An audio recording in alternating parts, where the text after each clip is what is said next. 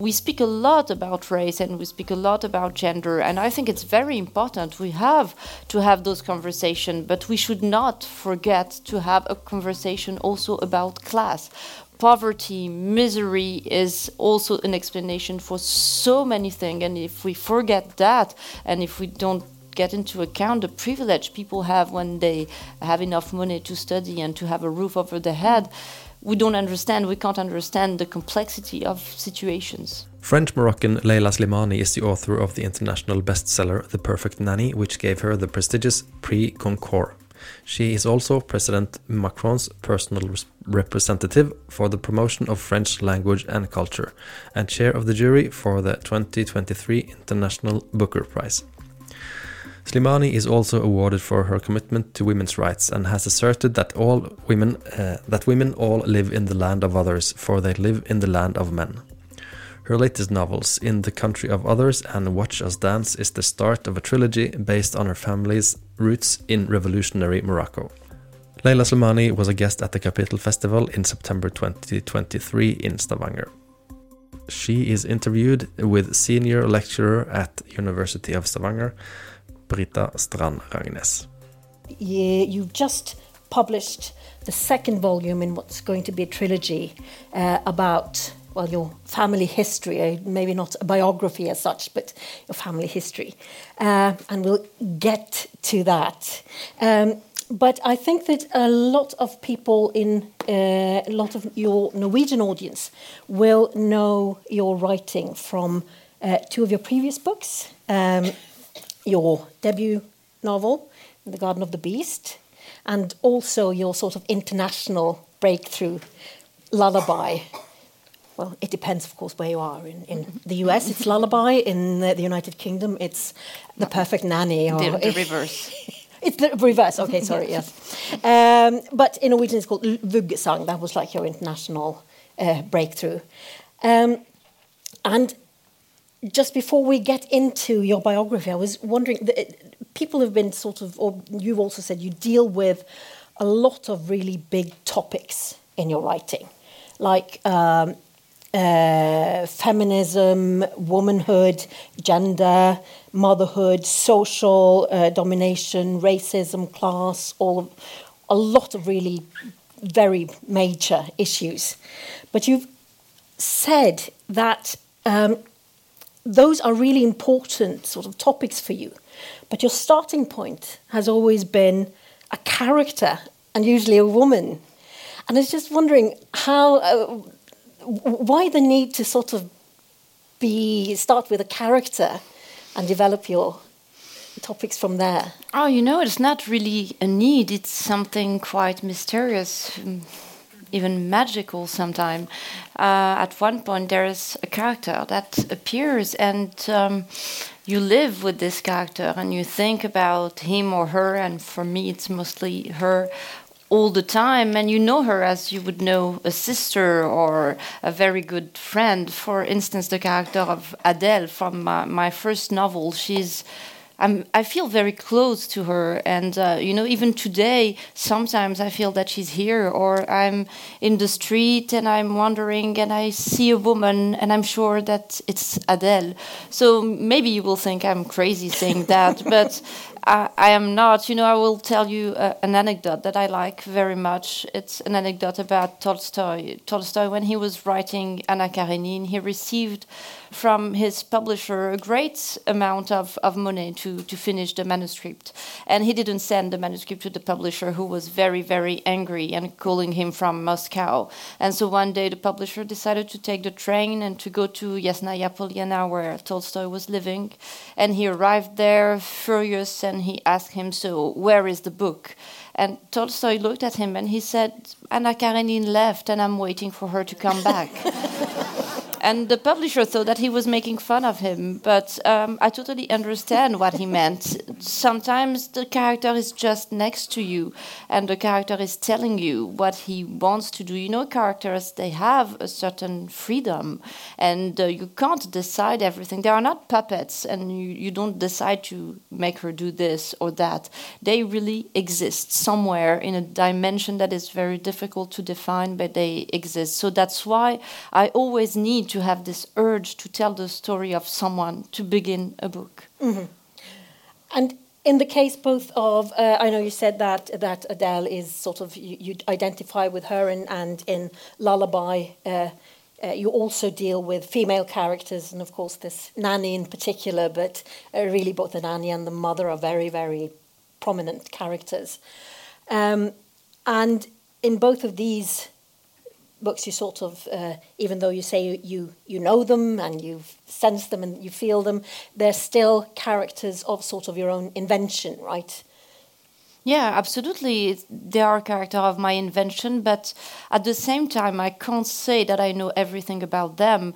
And I think that's why also I decided to become a writer because very, very young, I understood something is that our relationship with the other or other people is a balance between the desire to know um, another person and to know it Uh, in her intimacy and know a lot of things. And the fact also that you discover that you will never know someone completely. There is always something that will escape. There is always a secret something that is yeah hidden from the rest of the world. So that's what i love by, when i when i write the fact that i try to understand someone but the fact also that you have to write about this mystery and about the fact that you will never answer all the all the questions. You know i'm always surprised when i hear people say oh no i know him by heart. I live with him for 25 years. And i think you never know anyone by heart and you can always be surprised by by someone even someone you have lived all your life with. And um, that's something that i love in human relationship the fact that anyone is always a mystery And that, of course, is uh, is something. I mean, when when you then started your trilogy, right? Uh, when which began with the Land of the Others, and then uh, your second volume now uh, in Norwegian, uh, Watch Us Dance, Se oss danse in Norwegian. Um, I mean. Then you sort of went into characters that you knew in a different way somehow, didn't you? Yeah, so this trilogy is loosely based on my family, on my family history. The first part uh, about my grandparents, the second part about my parents, and the third part will be about my generation, my sisters uh, and I. But I wouldn't say that I that it's very much different from what I, I said before. I think that my grandparents or my parents were very mysterious to me. I was looking at them as a child looks at adults. I think that uh, there are a lot of things that I didn't understand about about them, and that's probably why I wanted to write this book to try to understand who they who they were, what they felt, and. Uh, Actually, I discovered a lot of things about them, even if I created fictional characters. But um, yeah, I think I wanted to investigate about who I am, where I come from, how is it possible to be who I am. I'm in a French Moroccan woman with a very cosmopolitic uh, um, education, and um, so. I, I needed to go back and to understand the couple of my grandparents and then the couple of uh, of my parents. But they were very mysterious, and you know they were all big liars telling always lies about their life and especially my grandmother telling me a lot of anecdotes that were not really true. But as a child uh, i loved that. I loved the story of my of my grandmother when she told me that she used to be a very famous actress or that she had like very beautiful passion with a lot of men which was absolutely not true. But as a little girl i was looking at her and for me she was a star. She was i was admiring her so much. So i think that I had a sort of movie in my head with my grandmother as main character, and that's the movie I tried to to write. So it's not the truth; is the fantasy a little girl had about someone who told her a lot of stories. Mm. And it is a really grand, breathtaking, really wonderful story you're, you're telling. And uh, in many ways, it is, of course, it, it, it's a love story uh, in addition to a lot of other things. Uh, but it's a love story between uh, this French uh, woman and this Moroccan man who meet during the war in France, right? Yeah, absolutely. He, he uh, I mean, he was a, a, soldier in the, the colonial army, and uh, he arrives in, in Alsace, in the east of France, in 1944 to to free the, the little village where this woman is, Mathilde, and she's a very young, passionate girl, and she wants to live very intense things, and uh, um, she feels that the war have um, taken from her the best years of, of her life, and so she wants something really strong. And she read a lot of novels. She was so she watched a lot of, of movies, and I think she's influenced by a very romantic vision of of the world of men, but also of um, the colonial world of mm. of Africa. So when she meets this man, she feels she has the opportunity to live something exceptional and not to be like her sister or the other girls of the village who will marry the same men that they have always always known. So she's in a sort of uh, Karen Blixen fantasy. She thinks that she's going to live out of, uh, out of Africa and to have a, fa a, farm in Africa and to meet Robert Redford and all this, but it's not going to happen at all. No. and of course she but but but there is it is a very passionate love story uh, between as I say and Mathilde uh, in uh, in um, uh, the land of um, the others. But uh, she does move then to I mean, I mean, she uh, they fall in love and they have this. Uh, they realize they can't live without each other, and then she leaves France to go to Morocco. Yeah, she leaves France to go to Morocco, and she's very brave. She's very bold, and um, she's a very open-minded woman. Uh, I mean, at that time, you have to imagine that the vision people, especially French people, had of a country like Morocco was full of prejudice and of racism, and it was very, very rare for a white woman to marry marry an Arab and to marry a, a, Muslim. So when she arrives in France, the French community looks at her like an outcast. They feel, in Morocco? Yeah, yeah, in Morocco, they mm. feel that she has betrayed her her community by marrying this guy and especially by having mixed race children it was mm. something that was really incorrect in, in the French society in, in Morocco. So, yeah, she decides to learn Arabic, to learn Berber, and to work with her husband in, in the farm. But the life is very difficult because her husband is not the same. He's not anymore this young, handsome soldier. He's a husband. Mm. And um, he looks at her as a married woman, and she has to obey and she has to respect the tradition of the very patriarchal country where mm. she,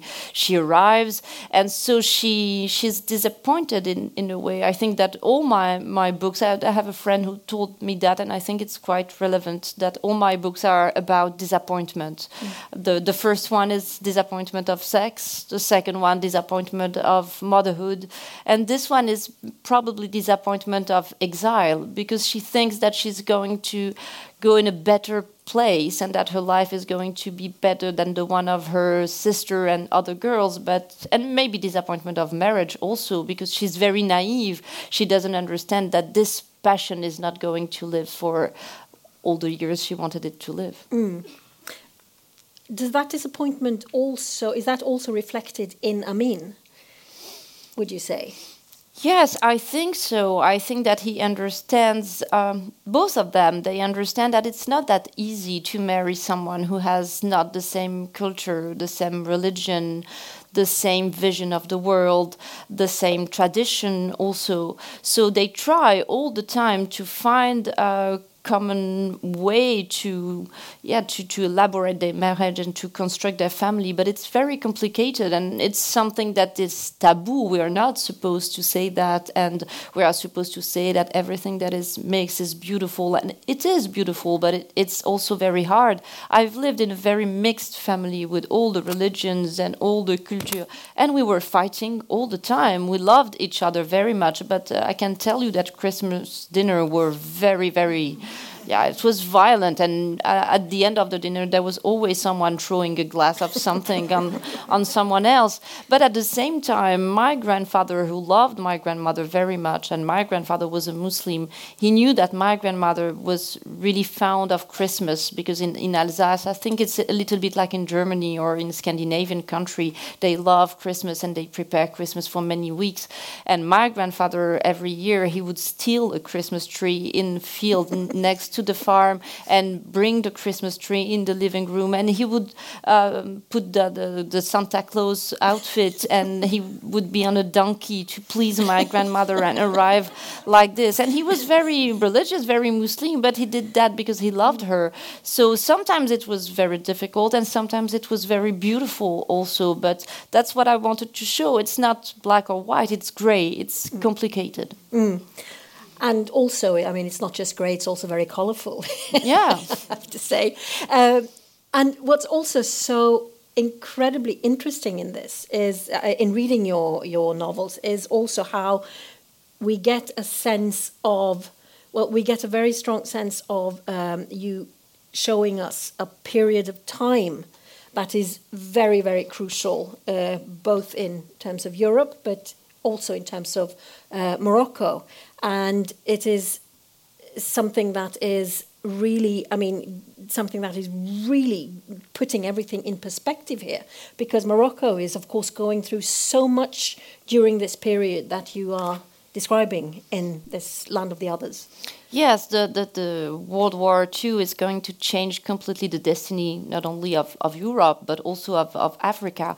First of all, because a lot of Moroccan men went to Europe to fight for, for France, and uh, I think it was a very weird and paradoxal situation because they were fighting for the value of France, freedom, equality, and fraternity, but they knew at the same time that there is no freedom and no equality for them, and they felt very humiliated by by French people when they came back to their country. And then also the fact that France lost and that France was occupied by the by the Nazi. I think that France lost her power in the eye of a lot of Moroccan people. They felt that maybe this country is not as powerful as we thought uh, uh, it is. And the other thing is that when France collaborated with the Nazi, uh, they wanted to arrest the Jews of, of Morocco. And the king of Morocco said, if you arrest one Jew in Morocco, I will wear the. Um, the, Star, the, the Star mm. of David myself. So the Moroccan people were very shocked by the fact that they arrested the Jews in, in France. So there was um, a sort of divorce between the Moroccan elite and the French elite at, at this time. So the years I'm describing at the beginning of decolonization of, of Morocco, this desire for independence, this de desire for freedom. But I try also to draw a parallel between the situation of women and the situation of the country. At the same time, you have a lot of men going on the street and saying independence, freedom, we want equality. And in the houses, you have the, the sisters and the wives saying freedom and we want equality, but men don't listen to the to the women. So I wanted to show also how much women were betrayed by this fight for independence and for for freedom. They were forgotten by by the men during this fight. Mm. Um, you started. I, I mean, um, I've, I've read that you started uh, writing this after your father died, and sort of you you ha- uh, you also had this. There was a somewhat. It was emotional, and also there was this uh, strong sense of uh, lack of knowledge. I mean, we you said that you knew so much about Europe, about Western history, Western geography, Western culture, and uh, your country, your culture was just reduced to, well, a grey yeah, absolutely. lump of stuff. You know, I think that um, that's not only my case, but a lot of people who were born and raised in what we call the South, or we used to call the Third World, we read Russian novels, American novels, French novels, uh, English novels, and um, we were told that those novels are universal, that we are supposed to read them, and that we will understand the world by reading them. But at the same time, that a Moroccan novel or a Senegalese or Vietnamese novel is just exotic, it's not universal. And um, we are supposed, and I am like Leila with the the face that I have and the hair that I have, I identified myself with Anna, with Marie, with uh, Oliver, and with all those characters who are very, very different from myself.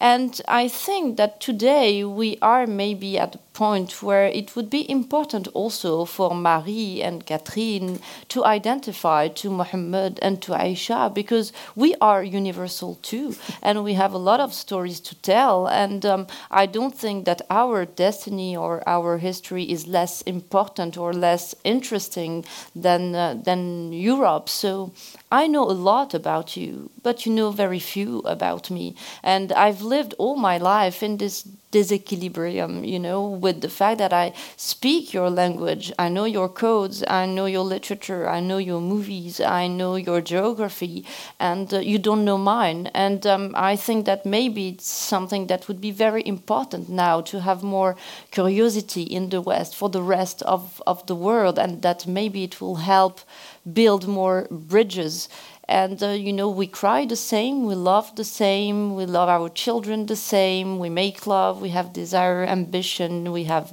bad people and good people and literature is some, something that can help us understand that that we can have different religion or color but at the end we have the same emotions mm.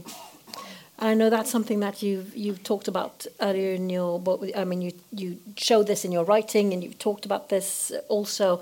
How uh, it's so easy to focus on our differences, and that is what is very often done, and that what you're doing and what you want to do is also precisely this, showing that there's more that unites us. I mean, we're human.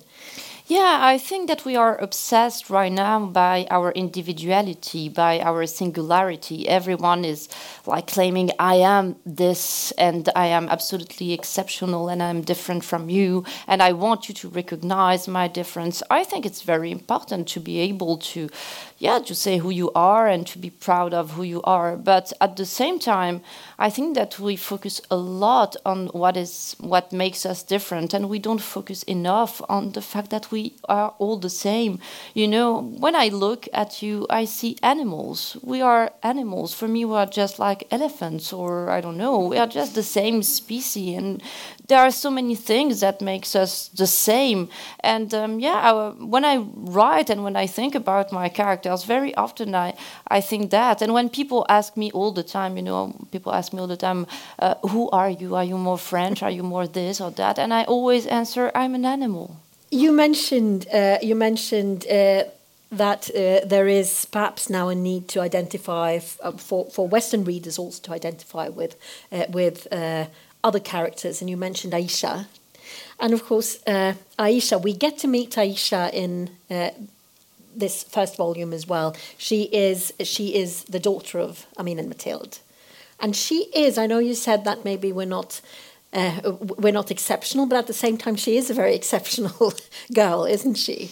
Yes, uh, she she is loosely based on on my mother, and um, she's very very smart. She's a very intelligent little girl but very shy at the same at the same time very silent. She lives in this farm with her parents and she understands very yeah very very young that her parents are struggling very much and that um, the life at the farm is difficult they have money problems.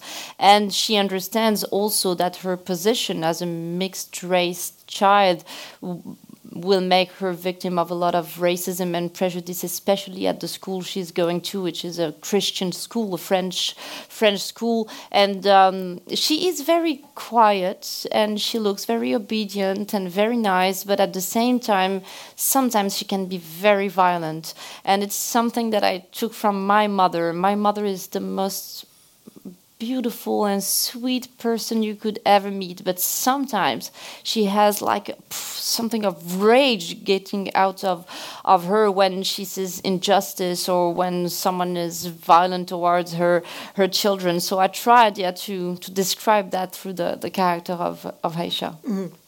and she's as you say i mean she she's a very she's a very bright girl. I mean she's exceptionally bright. She skips a grade and she is obviously destined for great things.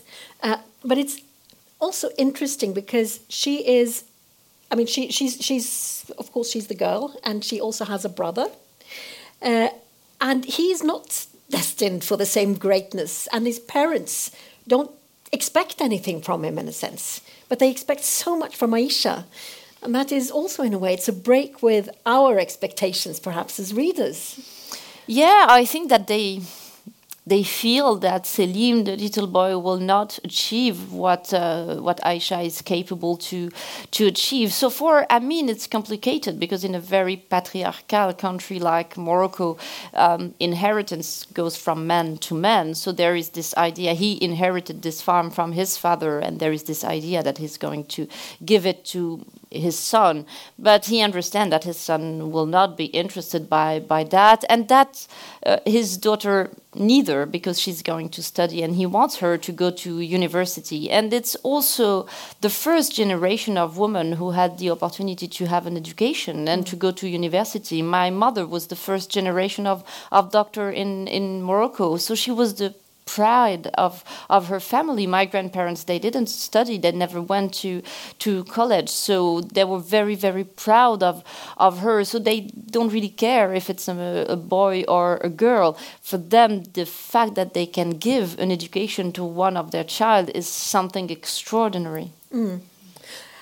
And that is, in a way, where your second volume uh, then starts off. I mean, uh, we have it's a very dramatic first volume as well, both in terms of the individual characters that you're describing, and as I said, the love story and all your marvelous uh, other characters that sort of show us both the colonial uh, perspective, the uh, uh, different layers of the Moroccan society, and all, all of that. But it's also, I mean, it shows us the decolonization, as you said, or the process of decolonization in Morocco, uh, leading, I mean, up to 1956 when you have the sort of independence. Yeah. yeah. And then in your second volume, then, as, as you said in your introduction, we, we move on to sort of Aisha and her generation being the main characters. And Aisha has now, in a sense, she's, she's gone back to her mother's land. Yes, she's studying. Um, she's uh, at medical school in Strasbourg, in in Alsace, and the, the, the book begins in 1968. So in May 1968, so France is in the middle of a big revolution. It's um, uh, so, and she's looking at this turmoil and this thing with she doesn't understand. She's quite frightened because she's a very serious girl and she just wants to become a doctor. She doesn't want to get involved in, in politics because her parents have always told her that she should not get involved with this this kind of thing. But you have to understand that for for me and for people of my generation, we are all quite fascinated by this generation, the generation of 1968 in Morocco, but also in the rest of African countries, because this generation the generation of my parents was the first generation, as I said, to have an education, and they were very, very open to the rest of the world. They were, uh, for most of them, communist or influenced by Marxism. They were reading Alejo Carpentier, Roland Barthes. Uh, they were reading books from all over the world. They wanted to change uh, Africa, to change the world, to change the destiny of their country, and it was a moment of hope, of real hope for those countries. They really thought that they were going to fight for more equality between men and women, more equality in general, also between between class. So, and it, it was also the hippie generation. You know, when I have when I look at the picture of my parents of 1968 or 1969, they are my my mother has hair like this, and my father, whose nickname was Karl Marx, he has hair like that and a big a big beard. And um, yeah, so I, I wanted to write about this generation because it's maybe the last moment or the only moment in the his the modern history of, of Morocco where there was so much hope and so much joy also because it's a generation that was yeah obsessed with politics obsessed with changing the world, but also with music, with dancing, with mixing with other people, with rock and roll and flower power and all that, and sex and all this. So I write also about this uh, hippie community in the south of Morocco, in Essaouira, with a lot of people actually from Norway, from Denmark, from Sweden, who arrived in 1960, 68 and spent like many years in the south of Morocco listening to music and yeah, spending time time with Moroccan Moroccan people. And Jimi Hendrix came from one night, and I I write about mm. this famous night where Jimi Hendrix uh, had a party with them. but as you say, Aisha, she's she's not innocent. I mean, she she is. Uh, could we say that she's in a way she's in the margins of this uh, in a way because as you say she's a very serious uh, I mean, she, she wants to study. Um, but she does, I mean, when she comes back, because she comes back in 1968, she comes back to Morocco and she's been in Strasbourg for four years and she comes back because, of course, of the rebellion mm-hmm. and the, they closed the universities and so on. And when she comes back, she realizes that her childhood home has changed. Something, and her parents have changed in those four years. Yeah, they yeah. became bourgeois. Now yeah. they are rich, and the begin the book begins with the obsession of Mathilde to build a swimming pool. And uh, in the 60s, the people who became bourgeois, who became rich, were all obsessed by having a swimming pool. It was the sign that you arrived. It, it was also the sign that you were, in a way, influenced by the Western uh, culture. So you have a, you have a swimming pool in your garden, and um, Amin is furious against Mathilde. He doesn't want to build this swimming pool because he thinks first that in a country where there is no water, it's a shame to use water to swim and uh, because people in the countryside they have to walk for kilometers to, to, to bring water to the to the village. But also he thinks that she's going to wear a bathsuit and to swim in front of everyone, so to be naked in front of everyone and swim in this swimming pool. But at the end he accepts to build the, the swimming pool. So it's also I wanted to describe this new elites of, of Morocco in the 60s, people who gained a lot of, of money, who were living Western style with swimming pools, beautiful cars, traveling to Paris and having clothes from Paris or from, from Spain. And the gap, the big gap between them and the rest of the people. And uh, Aisha, when she comes back, she understands also that she doesn't really know her country, that she's living in a bubble, in a bourgeois bubble with her parents. And the man she's going to meet, Mehdi, who is inspired by my father, he points that out and he says to her, You know, your father, in a way, he's like a colonist. Mm. He, he's, he's his behavior is not very different from the one of the French before. The way he's treating the people who works with them, with him is the same. Mm. And that is something that, in a way, permeates your writing as well. I mean, you've you've been very vocal about this. The uh, stressing the importance of class and sort of trying to do away with some of the identity politics and some of the sort of uh, insistence on nationality or ethnicity or whatever we try, how, however we try to pin people down and try to remind us about the importance of class. Yeah, absolutely. And probably because I experienced that myself all the time. You know, I'm a woman and I'm an Arab and I'm a Muslim. But because I'm a bourgeois and because I had the opportunity to study in France, because I have a passport also that makes it possible for me to travel, I consider that I'm so privileged and I don't compare myself to a woman in Morocco who is from a lower class and who will struggle all her life to be free and to be able to marry who she wants to marry or who can't have an abortion, who uh, will probably have more chance to be harassed or to be victim of, of violence. So there, the, the difference between this woman and myself is bigger than the difference between me and any Parisian woman. Mm. Uh, I mean, so I, I, think that sometimes there's a certain hypocrisy when you say, yeah, as a Muslim woman, blah, blah, blah. But the thing is that I'm so privileged that I don't I don't feel and I'm not victim of the same prejudice and of the same violence that other women from lower class. So we speak a lot about race and we speak a lot about gender, and I think it's very important. We have to have those conversations, but we should not forget to have a conversation also about class poverty, misery is also an explanation for so many things. And if we forget that, and if we don't get into account the privilege people have when they have enough money to study and to have a roof over their head, we don't understand, we can't understand the complexity of situations. Mm. You have a very, uh, you have. Um, uh, one of the characters in uh, in your at, at some point Aisha realizes that she needs a maid and uh, you introduce this. Uh, I mean, a very very low class woman. I mean, she's so. Uh, they consider that she's so filthy. She has to have her hair cut, and I mean, in order for her to come in the house. And then you sort of take us as readers on a journey back to her, uh, to her uh, where she comes from.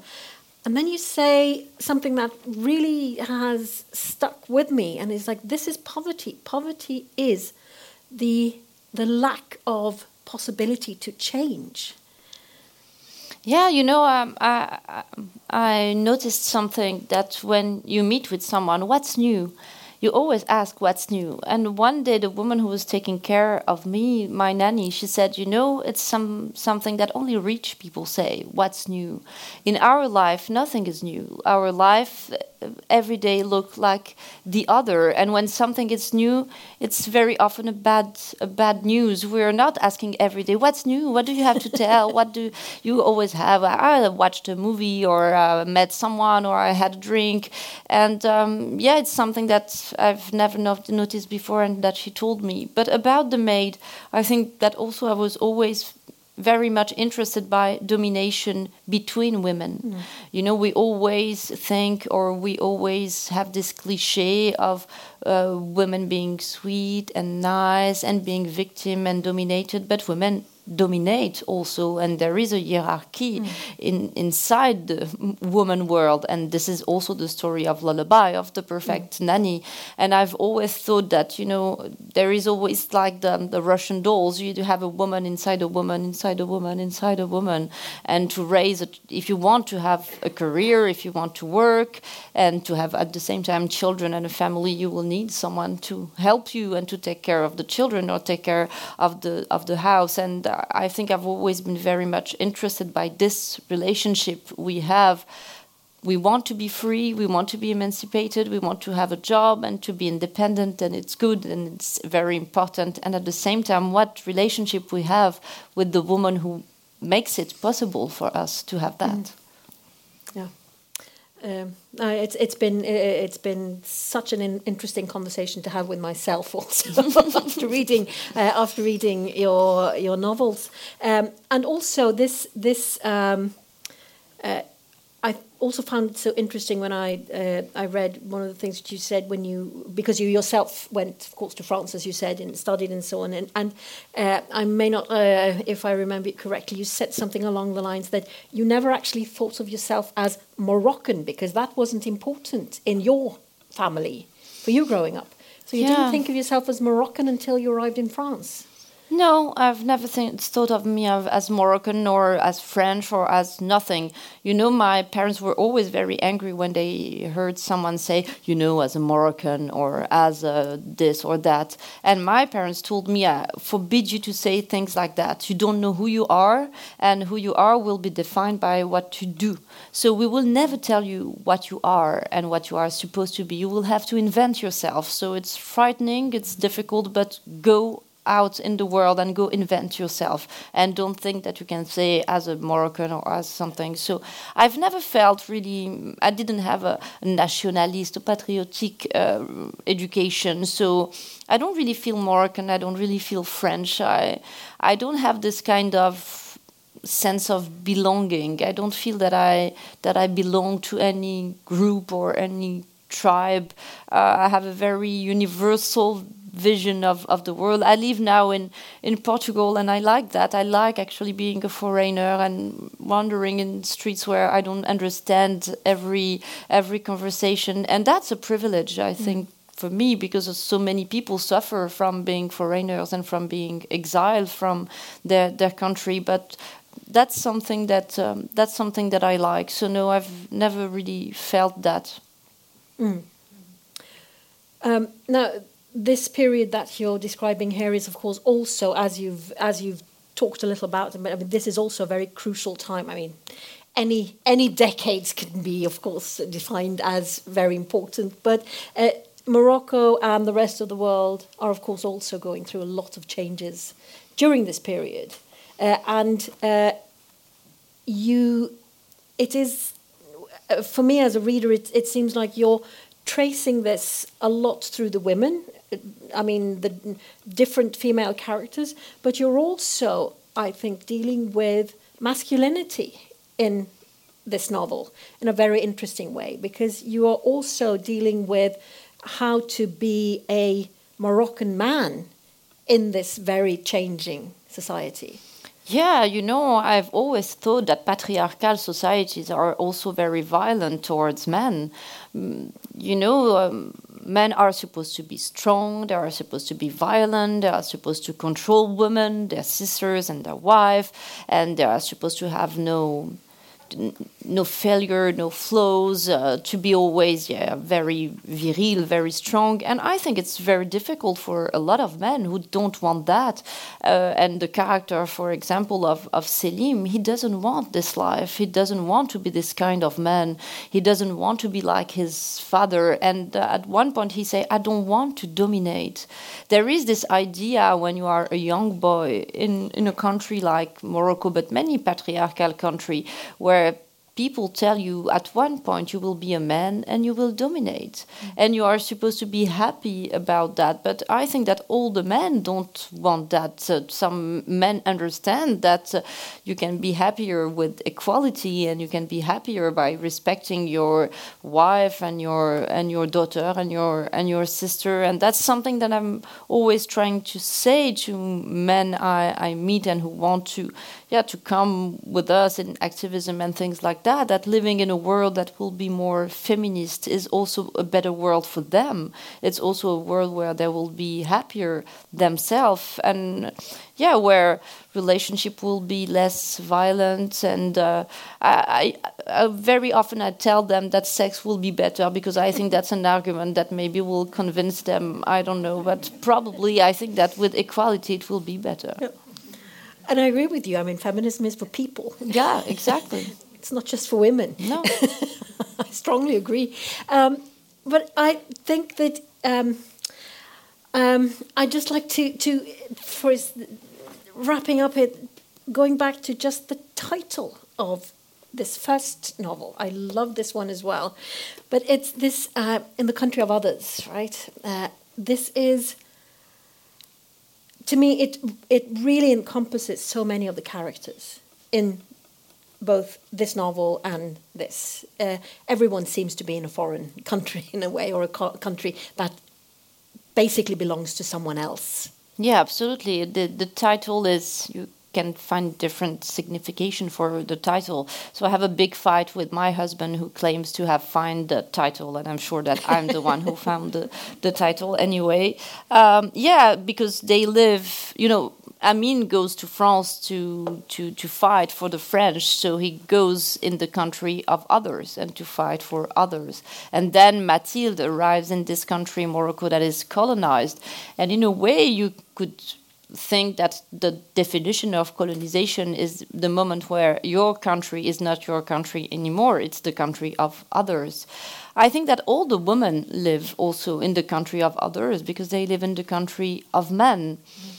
And there is also another signification that is maybe the definition for me of being a writer uh, being a writer is living in the country of others. You live with others all the time. You are obsessed with others. I remember that when I was a child, sometimes I was, you know, I was quite hysterical. I was crying, saying to my mother, "But I want to know what it is to be another. I wanted to to know what people were feeling inside them, and I wanted to change sometime my destiny with the destiny of someone else, just for five minutes or one hour. I was fascinated by the fact that so many singular people were existing and having different life and emotions and things like that and i still have this thing. I'm still fascinated by by others. I love others. That's the yeah that's what makes me live. So i live in the country of others all the time. Mm. I'd like to add to that. I, I, I'm fascinated to hear what you say about yourself as a writer, but I'd like to add how that is also the case for the reader. Because as a reader, at least, I mean, reading these books, I got to live in the land of another as well, and uh, or many other people, and I got to have my world expanded because I visited places and people I never knew existed in a way, right? So that was a wonderful experience for me. Thank you and I think that you have you've you've described the relationship in a way between writer and reader is very intimate. and it really is. Yeah, you know, when I was a child, I was uh, reading all the time, and I was obsessed by by books, but in a very weird way. I mean, when I was reading books, I was completely living in the book, and I was thinking that I was one of the character. I remember that when I was reading Pearl Buck, the American Chinese writer, I said to my mother, "Now I only want to drink jasmine tea, and I want to so to eat Chinese food." And then I was completely obsessed by Russian literature for many years, and so I decided to wear Russian clothes. And it was in Morocco where it's very hot, but I had a big shapka and I had a coat, and my mother was like, "You're going to be very hot." That everyone was making fun of me uh, at school, and I would only eat cucumber and onions and things like that. but I wanted to be Russian and to live in the to live in the novels. So I still have that this passion for for reading. I think it's the one of the most beautiful thing in, in my life. The moment when you dig into a book and you forget the rest of, of the world. Well, I want to thank you for letting me thank and you. us live in that world for thank you so much. a while and for allowing us to stay in your world. And if you'd like to, uh, there are books outside in the in the Kapittel bookstore in the square. Thank, thank you. you. So thank much, you so much. Leila thank, you. thank, thank you. very much.